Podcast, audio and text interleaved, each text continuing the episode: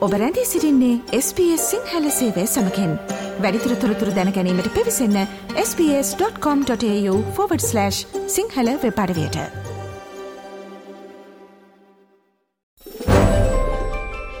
නොතටු සිනමාව.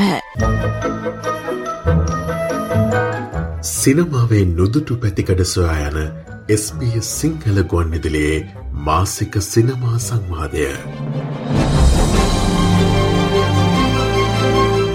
ඔබ දකින ඔබ බලන සිනමාවේ රාමුවෙන් ඔබ්බට යන්නට අවසරායේ.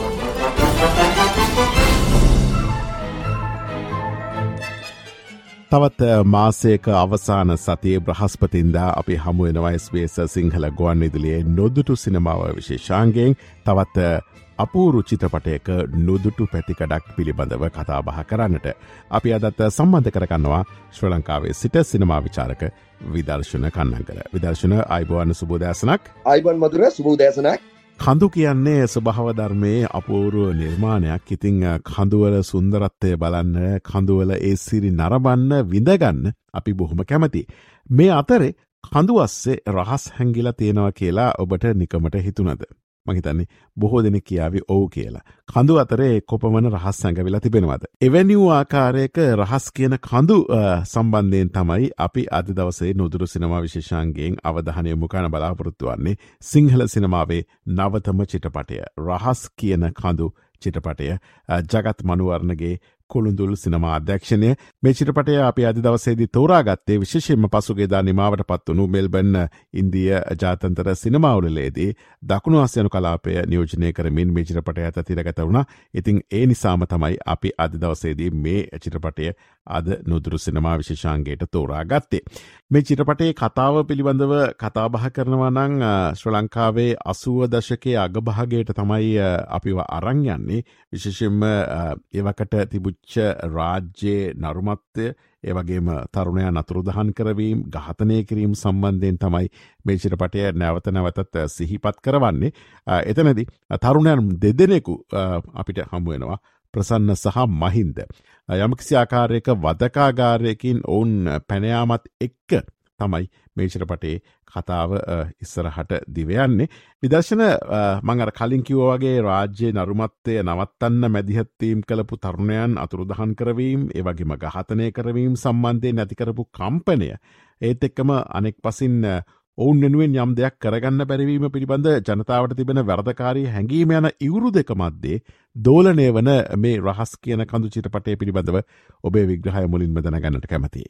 චිත්‍රපටියට මූලිකව පාදක වෙන්නේ. ලංකාවේ රාජ්‍ය මර්ධනය. රාජ්‍ය භීෂණයේ යම් අංශු මාත්‍රයක්. තකොට අපිට මේ චිත්‍රපටියෙන් මේ මොන කාලයද අනිවාර්යයෙන්ම 88 89 හිටපු දේශපාලන චරිත දේශපාලන සිදුවීම්. ඒ ඉතිහාසයක් මේ චිත්‍රපටියේ නෑ. අපි කියන්නේ අර ඒ කියන්නේ වාස්තවික ඉතිහාසයක් මේ චිත්‍රපටියේ නෑ. නමුත් චිත්‍රපටිය අපිට ඉඟි කරනවා. සහ චිත්‍රපටිය අපිට හැදිලිව අපිට සිහිපත් කරනවා. ලංකාවේ එක යුගයක විශේෂයෙන්ම මම හිතන 80 අග මේ 80 දශකයේ ඇතුලේ ඒ ආපු ඝාතන ඉතිහාසය මොකද මේ චිත්‍රපටිය මූලිකවම තිබෙන්නේ චිත්‍රපටිය ඊටාම හැඩි කොටසක් දිවෙන්න වදකාගාරයක් තුළ. තොට මේ හදකාගාරය ඉන්නවා තරුණයෝ විශාල ප්‍රමාණයක් එල්ලලා මරලා. ඒ මරලා ඔවුන්ගේ යගිය ශරීර ඒවා අපි අඩුක් කරනවා පැක් කරනවා එක පිරිසක් ඒක මේක ඉන්නවා සිල්වා මහත්තයා කියලා කෙනෙක් එයා තමයි මේකේ මේ සියල්ලම හසුරවන කෙනා යාට ඉහළ නිලධාරියෙකුත් ඉන්නවා මේ අපිට හම්බෙන්නේ මේ චිත්‍රපටිය අර දැන් අපි හරියටම කිව්වොත් දැන් ලංකාවේ රාජ්‍ය භීෂණය විසින් අරගලකරුවන් කැලරිකරුවන් ඝාතනය කරපු මරා දමපු ඒ ඉතිහාසය ගැන ආපු විශාල මං හිතන්නේ ඒ කියන්නේ මේ වගේ චිත්‍රපටයක් ඇවිල්ලා නැහැ. ඒකට හේතුව අපි සාමාන්‍යයෙන් දැන් ශ්‍රී ලංකාවේ 80 80 දශකයේ වෙච්ච ඝාතනයන්ව අපි කියවන්නේ නිකන් වාස්තවික සිදුවීම් වල ප්‍රතිකටක් විදියට හරි එහෙම නැත්නම් අරගල කරුවන්ගේ දෘෂ්ටියෙන් එක්කෝ. රයිට් ඒක අපි ගත්තා JVP එක හරි ඒ කාලේ ඒ සන්නද්ධ සන්නද්ධ විමුක්ති අරගලේ හිටපු නැත්නම් Tamanට වෙච්ච ඊටාම රාජ්‍ය අර වාකියෝ වගේ රාජ්‍ය නරුමත්යෙන් පීඩාවට විදින්න නැතුව ඒකත් එක්ක අරගල කරපු ඒකත් එක්ක මැදිහත් වෙච්ච තමන්ගේ සාධාරණත්වය වෙනුවෙන් ඒ සටන් වැදපු තරුණයන්ගේ දැක්මෙන්නේ අපි ඇත්තටම මේ ඒ යුගයේ වාස්තවික ඉතිහාසයේ කලාවට ඒක සිනමා වෙන්න පුළුවන් වේදිකා නාට්‍ය වෙන්න පුළුවන් කවිය වෙන්න පුළුවන් මේ ඔක්කොටම පාදකුණේ එහෙමයි. නමුත් මේ චිත්‍රපටියේ ඒ වාස්තවිකව අපිට පෙන්නපු 80 දශකයේ වෙනුවට ඇත්තටම අර ඝාතකයන්ගේ දැක්මේ. රයිට් ඒ ඝාතකයන් ඒ ඝාතකයන් කියලා අපි අද්භුත කන්නේ අපි සාමාන්‍ය තියෙන මිනිමරුව විදියටනේ. ඒ අමු මිනිමරුවෝ එවුන් ඇවිල්ලා අර සාමාන්‍ය ඉන්න අරගල කරුවන්ව මැරුවා. ඒකට ওই චිත්‍රනේ අපිට තියෙන ඒකට අපිට ඒ හිටපු ඝාතකයන්ගේ විනෝදය මොකද්ද? එහෙම නැත්නම් ඒ ඝාතකයන්ගේ ජීවිතේ කුමක්ද? ඒගොල්ල වදකාකාරයන් තුල කොහොමද හැසිරෙන්නේ නැත්තේ? ඒගොල්ලන්ගේ සාමාන්‍ය ජීවිතේ මොන වගේ වෙන්නේ නැද්ද? වදකයන්ගේ මෙන්න මේ මානය චිත්‍රපටිය ඇතුළට අරන් එනවා. රයිට් එතකොට අපි හරියටම කිව්වොත් මේ චිත්‍රපටියේ view point එක. චිත්‍රපටියට ප්‍රේක්ෂකයා ඇතුළත් කරගන්න චිත්‍රපටියේ දැක්ම මූලිකව තියෙන්නේ අර අරගලකරුවන් පිළිබඳව තියෙන ඉතිහාස අන්තර්ගතය තුල නෙවෙයි. ඇත්තටම ඒ යුගයේ රාජ්‍ය මර්ධනය රාජ්‍ය භීෂණය ක්‍රියාත්මක වෙච්ච යාන්ත්‍රණය. නැත්නම් අපි කියනවා ඒ හරියටම කොත් කිලින් මැෂින් එක ඇත්තටම වැඩ කළේ කොහොමද?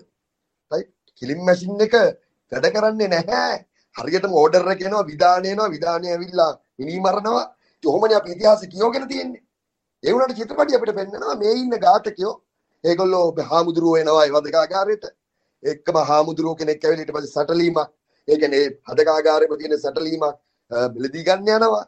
ඊට පස්සේ මේ ඉන්න සිල්වා කියන කෙනා ශීතකරණයක්. එදට ඕඩ කරලා තියෙනවා. අර අපි කියන්නේ හුලි හදනමින් අරගන්න තැනකින්. එතකොට ඒක කොහොමද ගෙදරට යවන්නේ කියලා හිතනවා. ඊට පස්සේ සිල්වා මහත්තයා ඉන්සුලින් එයාට මේ මම හිතන දියවැඩියා වගේ එකක් තියෙනවා. ඉන්සුලින් ඉන්ජෙක්ට් කරගන්නවා. එතකොට ඉන්ජෙක්ට් කරගන්න එක යාට දැනෙන වේදනාව අපිට පෙන්නනවා. එතකොට අපිට ඇත්තට මේ චිත්‍රපටිය තියෙනවා එන්ජොයිමන්ට් ෆැක්ට් එක මේ හරි අනේ මේ මේ 80 දශකයේ හරි මේ යුගයේ රාජ්‍ය මර්ධනය කරපු ඝාතකයන් මේ මේ කොයිතරම් සාමාන්‍ය මිනිස්සුද? හරි. ඒගොල්ලෝ ඇවිල්ලා අර වගේ හෙලි කපනවා මිනිස්සු මරනවා ඔක්කොම කරනවා. දැන් චිත්‍රපටියත් එහෙම තමයි. චිත්‍රපටියේ දැන් අපි හකින අවස්ථාවක් තමයි ජගත්මනු වර්ණගේ චරිතය. සහ අනිත් පැත්තෙන් කල්න ගුණසේකර අංගනය කරන චරිතය ඒ දෙන්නව අරගෙන යනවා. ඊටාම පහර දීලා ඊටාම ඊටාම ශරීරයේ සම්පූර්ණ අබලන් වෙච්ච දෙදෙනෙක් ඒ දෙන්න අත්වලින් හංචු දාලා අරන් යනවා. එතනදී එක හන්දක් ගාවදී වාහනේ තිබ්බ ඒ අලමිනි ඔක්කොම එරලෙනවා එතනින් හලන සහ ජගත්ගේ චරිත දෙක එතනින් පලා යනවා අර. ඒ අත් දෙකට හංචු දාපු එකත් අරගෙන ඊට පස්සේ අපිට පෙන්නනවා අර ඒ ඝාතකයෝ ඒ ඝාතක නිලධාරීන් ඊට පස්සේ උන් දෙදෙනා පිටිපස්සේ ලුහු බඳිනවා එතකොට අපිට අනිත් පැත්තේ පෙන්නනවා මේ ලුහු බඳින අය පවා ඒක උණුත් ආතල් එකක් ගන්නවා. ඒ කියන්නේ උණුත් ලුහු බැඳගෙන ගිහිල්ලා එක වෙලාවක ඒ දෙන්නව ලුහු බැඳන් යන නිලධාරීන් දෙන්න කැලාවකට චූ කරනවා මේ කාටද නිකන් ඇඩියෙන්ම ඈතට චූ කරන්න පුළුවන් කියන එක හොයන්න. එතකොට තව වෙලාවක මේ ලුහු බැඳගෙන යන නිලධාරීන් අතර කවුද ඇත්තටම වුණ අත්තරන් කොට ගන්න කියලා තරගයකුත් ඇති වෙනවා. ඉතින් ඔය වගේ චිත්‍රපටිය ඇතුලේ අපි ඔය ටිකටම අරන් යනවා. තම දැවැන්ත ලේග් මස් ඝාතන භීෂණයක් ඇතුළට අපිට අරන් යනවා විනෝදය ආකෘතියකින්. ඒ කියන්නේ අපි ඇත්තටම මේ අපි දකින්නේ මේ ඒ කියන්නේ මම හිතන්නේ හගත් මනුවරණ අපිට පෙන්නනවා ඒ අපේ ඉතිහාසය. ඇත්තටම අපි ඝාතනයන්ට යුක්තියක් ඉෂ්ට කළා නැහැ. ඒ වෙච්ච ඝාතනයන්ට අපේ සමාජයේ. ඒ වෙනුවට අපි ඒක එන්ජොයි කරනවා වගේ නේද කියලා. ඒ කියන්නේ අපි දන්නවා අපි ඒ වෙච්ච ඉතිහාසයේ විවිධ කාලවල දේශපාලන ජයග්‍රහණ වෙනුවෙන් ආයෝජනය කරගත් ඉතිහාසයක් තිබුණේ. එතකොට ඒකෙදි අන්නේ ලැබපු විනෝදය වින්දනය මම හිතන්නේ චිත්‍රපටියේ පුරාම අරගෙන අවසානයේදී අගත් මනුවර්ණ ඒ සියල්ලෙන් බේරිලා පලා යන්න සමත් වෙනවා. ඒ යන්නේ ඊටාම සුන්දර චිත්‍රයක් පැත්තට. ඒ කියන්නේ ඔහු යන්නේ ඒ සියල්ලෙන් බේරලා කඳු පේන. ඊටාම ලස්සන කඳු තියෙන භූමි දර්ශනයක් දිහාට ඇවිදගෙන යනවා. චිත්‍රපට ඉවර වෙනකොට ඒ කඳු අතරින් ඔහු නොපෙනී යනවා පෙන්නනවා. ටිකකින් ඒ කඳු සාමාන්‍ය චිත්‍රයක්. ඒ කියන්නේ අපි කියන සාමාන්‍ය පේන්ටින්ග්ස්. රයිට් ඒක චිත්‍රයක හැඩහුරුකම ගන්නවා. එතකොට මම හිතන්නේ අපිට පෙන්වන්නේ මේ ඇත්තටම කඳු సౌందර්යය සංචාරක ලෝකයේ චිත්‍රය මේ සියල්ල තුල මේ ඇත්තට වෙච්ච ඝාතනයේ භීෂණයේ තියෙන ඒ ඇත්ත යටිපෙළ. ඒ ඇත්ත යටිපෙළ ආවරණය වුණා. ඒක නැවත කලාකෘතියක් වෙලා තියෙනවා. ඇත්තටම මේ චිත්‍රපටියෙන් කරන්නේ කලාකෘතියක් වෙච්ච අපේ ඝාතන ඉතිහාසය ප්‍රශ්න කරන එක ඔව විදශන දැම් මේ රහස් කියන කඳු චිත්‍රපටයේ තිරපිටපත සහ මේ චිත්‍රපටය සමස්තයක් වශයෙන් ප්‍රේක්ෂකාගාරයට ලබා දෙන්නට හදන්නේ මොකක්ද. ජගත් බනුවර මේක නිර්මාණය කරන කාලෙ බැලුවමත් ඔහු කිසිම දෙදස් එකොළහැ විතර ඉඳලා ඔහු මේ චිත්‍රපටිය වගේ කොටස් කිහිපයක් ඔහු කාලයක් තිස්සේ කෙටි චිත්‍රපටි විදියට නිර්මාණය කළා. ඒවට යා නම් කළේ වෝට ලිලි කියලා.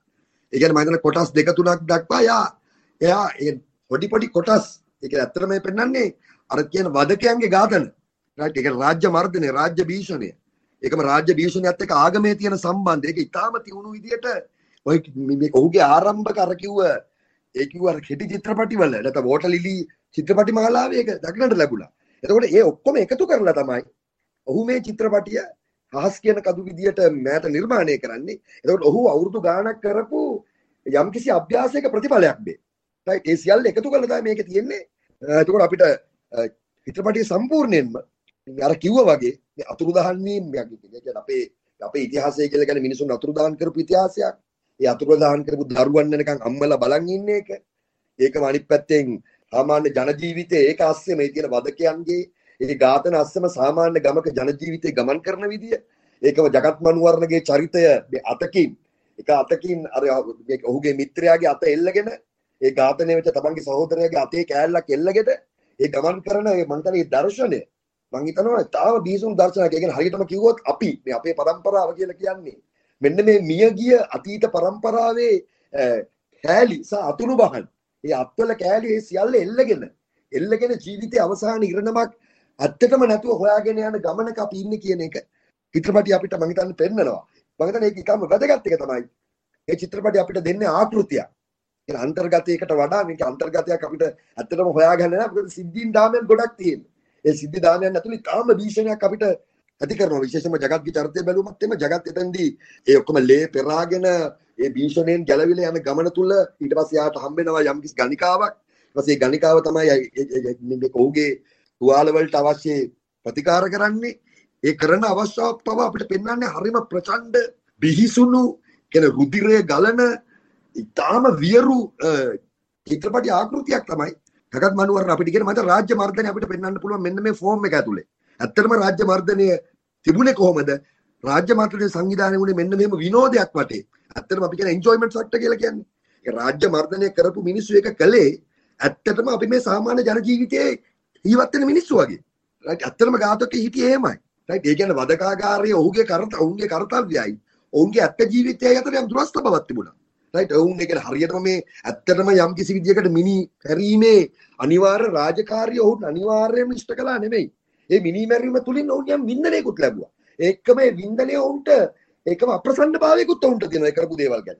මෙන්න මේ මෙන්න මේ රාජ්‍ය මර්ධනයේ රාජ්‍ය භීෂණයේ මේ තියෙන මෙන්න මේ පැතිකඩ මෙන්න මේ අපි කියනවා ආත්ම මූලික පැතිකඩ මේ චිත්‍රපටිය මම හිතනවා ඉතාම හොඳ ආලෝක ධාරාවක් වීදුවනවා මම හිතන්නේ ඒක නිසා තමයි හකත් මරුවට මේ චිත්‍රපටියේ විශේෂයෙන්ම මෑත රොටර්ඩෑම් සිනමා උළෙලේ.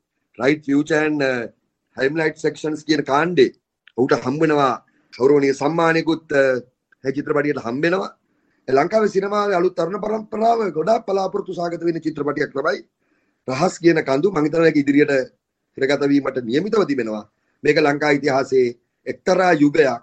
ඒ යුගයේ කිසිදු ඡායාවක් අපිට දේශපාලනිකව අරන් නැතුව ඒ යුගය පිළිබඳව අපිට තියෙන මතකයේ ත්‍රස්තය. ඇත්තටම අපේ තියෙන මතකයේ තියෙන ඒ මතක් කිරීමට තියෙන බය ඒ ත්‍රස්තය මහිතන වෙනත් සිනමා ආකෘතියක් බවට ජගත් මනුවරණ විසින් පත් කල්ලා තියෙනවා. රහස් කියන කඳු චිරපටේ අධ්‍යක්ෂවරයා තමයි ජගත් මනුවර්ණ. මේ දවස්සල ජගත් මනුවර්ණගේ නම විශේෂයෙන්ම ශ්‍ර ලංකාවේ පුංචිතිරේ නං ඉහලින්ම කියවන නම බට පත්වෙලා තිබෙනවා. කොඩිගහයට ටෙලිනාට ඇත් සමඟ සාමාන්‍යෙන් මේ නළුවෙක් විදර්ශන සිනමාකාරයෙක් වෙනවා කියන එක විශේෂ අවස්ථාවක්. තැන් මේ ජගත් මනුවර්ණ කියන නළුවා මේ රහස් කියන කඳු චිරපටය හරහා කුළුඳුලේ අධ්‍යක්ෂවරයකු ලෙස පැමිණීම ඔබ දකින්න මොනාකාරයෙන්ද.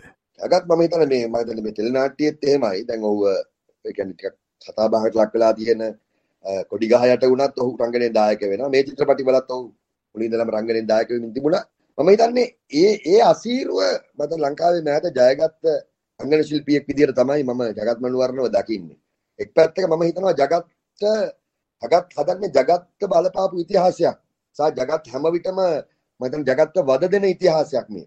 ඒ නිසා ජගත්ගේ බොහෝ කතාවල නැත්නම් ජගත්ත මේ මේ ඉතිහාස බර මේ වෙච්ච ඝාතනයන්ගේ රාජ්‍ය මර්ධන ඝාතනයන්ගේ ඉතිහාසය උට මම හිතන ඔහු හැම විටම හිතන පතන දෙයක් වගේ කියලා හිතනවා මට. එතකොට මෙන්න මේ කතාව ඔහු මුහුණ දුණු ඉතිහාස කතාවක්. ඒ කියන්නේ මේ අපි කියන්න පුළුවන් ආත්ම මූලික අධ්‍යක්ෂකවරේ. ඒ නිසා ජගත්ත වඩාත්ම හොඳ දේ තමයි ඔහු හදන සායකම නාමල් ලියපු නාමල් ජයසිංහත් එකතු වෙලා ලියපු මේ ස්ක්‍රිප්ට් එක ඇතුලේ මතන ජගත්ව නිරූපණය වීම නැත්නම් ජගත්තෙහි ප්‍රධාන චරිතයකට අංගනෙන් දායක වීම ඇතුලේ තමයි ජගත්ත කියන්න ඕන වෙලා තියෙන ජගත්තම අදාළ වෙච්ච ආත්මීය ඉතිහාසයයි. ඒකම ජගත්ගේ රංගන වේදය අතර එකතුවක් හදන්න පුළුවන් වෙලා තියෙන. මං හිතන්නේ මේ චිත්‍රපටියට ජගත්ගේ මැදිහත් වීම විසින් යම් සාර්ථකත්වයක් ගෙල්ලා තියෙනවා. මොකද ජගත් අනුවර්ණ කියන සිම්බල් එක යම් කිසි ඔව් සංකේතයක් වෙනවා අලුත් පරම්පරාවේ. මෙන්න මේ සංකේතයක්. ඒ අපිට අලුත් තරුණයෙක් මේ අලුත් තරුණේ අලුතෙන් එකතු වෙලා ඉන්න අලුතෙන් කලාවට එකතු වෙලා ඉන්න අලුතෙන් දේශපාලනයටත්. අම්මාක අපි එකඟ වුණා හෝ නොවුණා ඒ දේශපාලන ක්‍රියාකාරීත්වයට එකඟව එකතු වෙලා ඉන්න තරුණේ එතකොට මෙන්න මේ මෙන්න මේ ඒ කියන ප්‍රායෝගික දේශපාලන අත්දැකීමත් එක්ක බැලුවමත් මම හිතන්නේ අගත් මනුවරණ සමත් වෙනවා.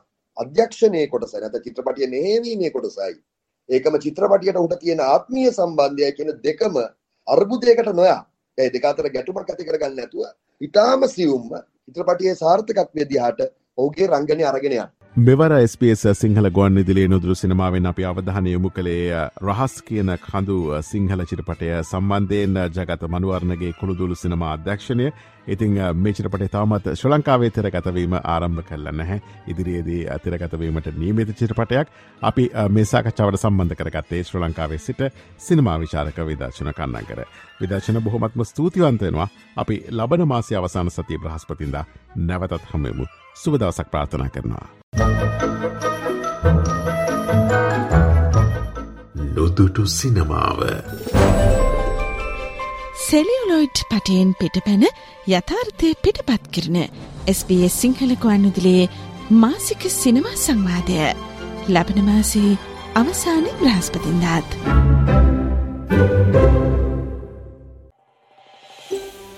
මේ වගේ තවත්තොරතුරු දැනගන්න කැමතිද.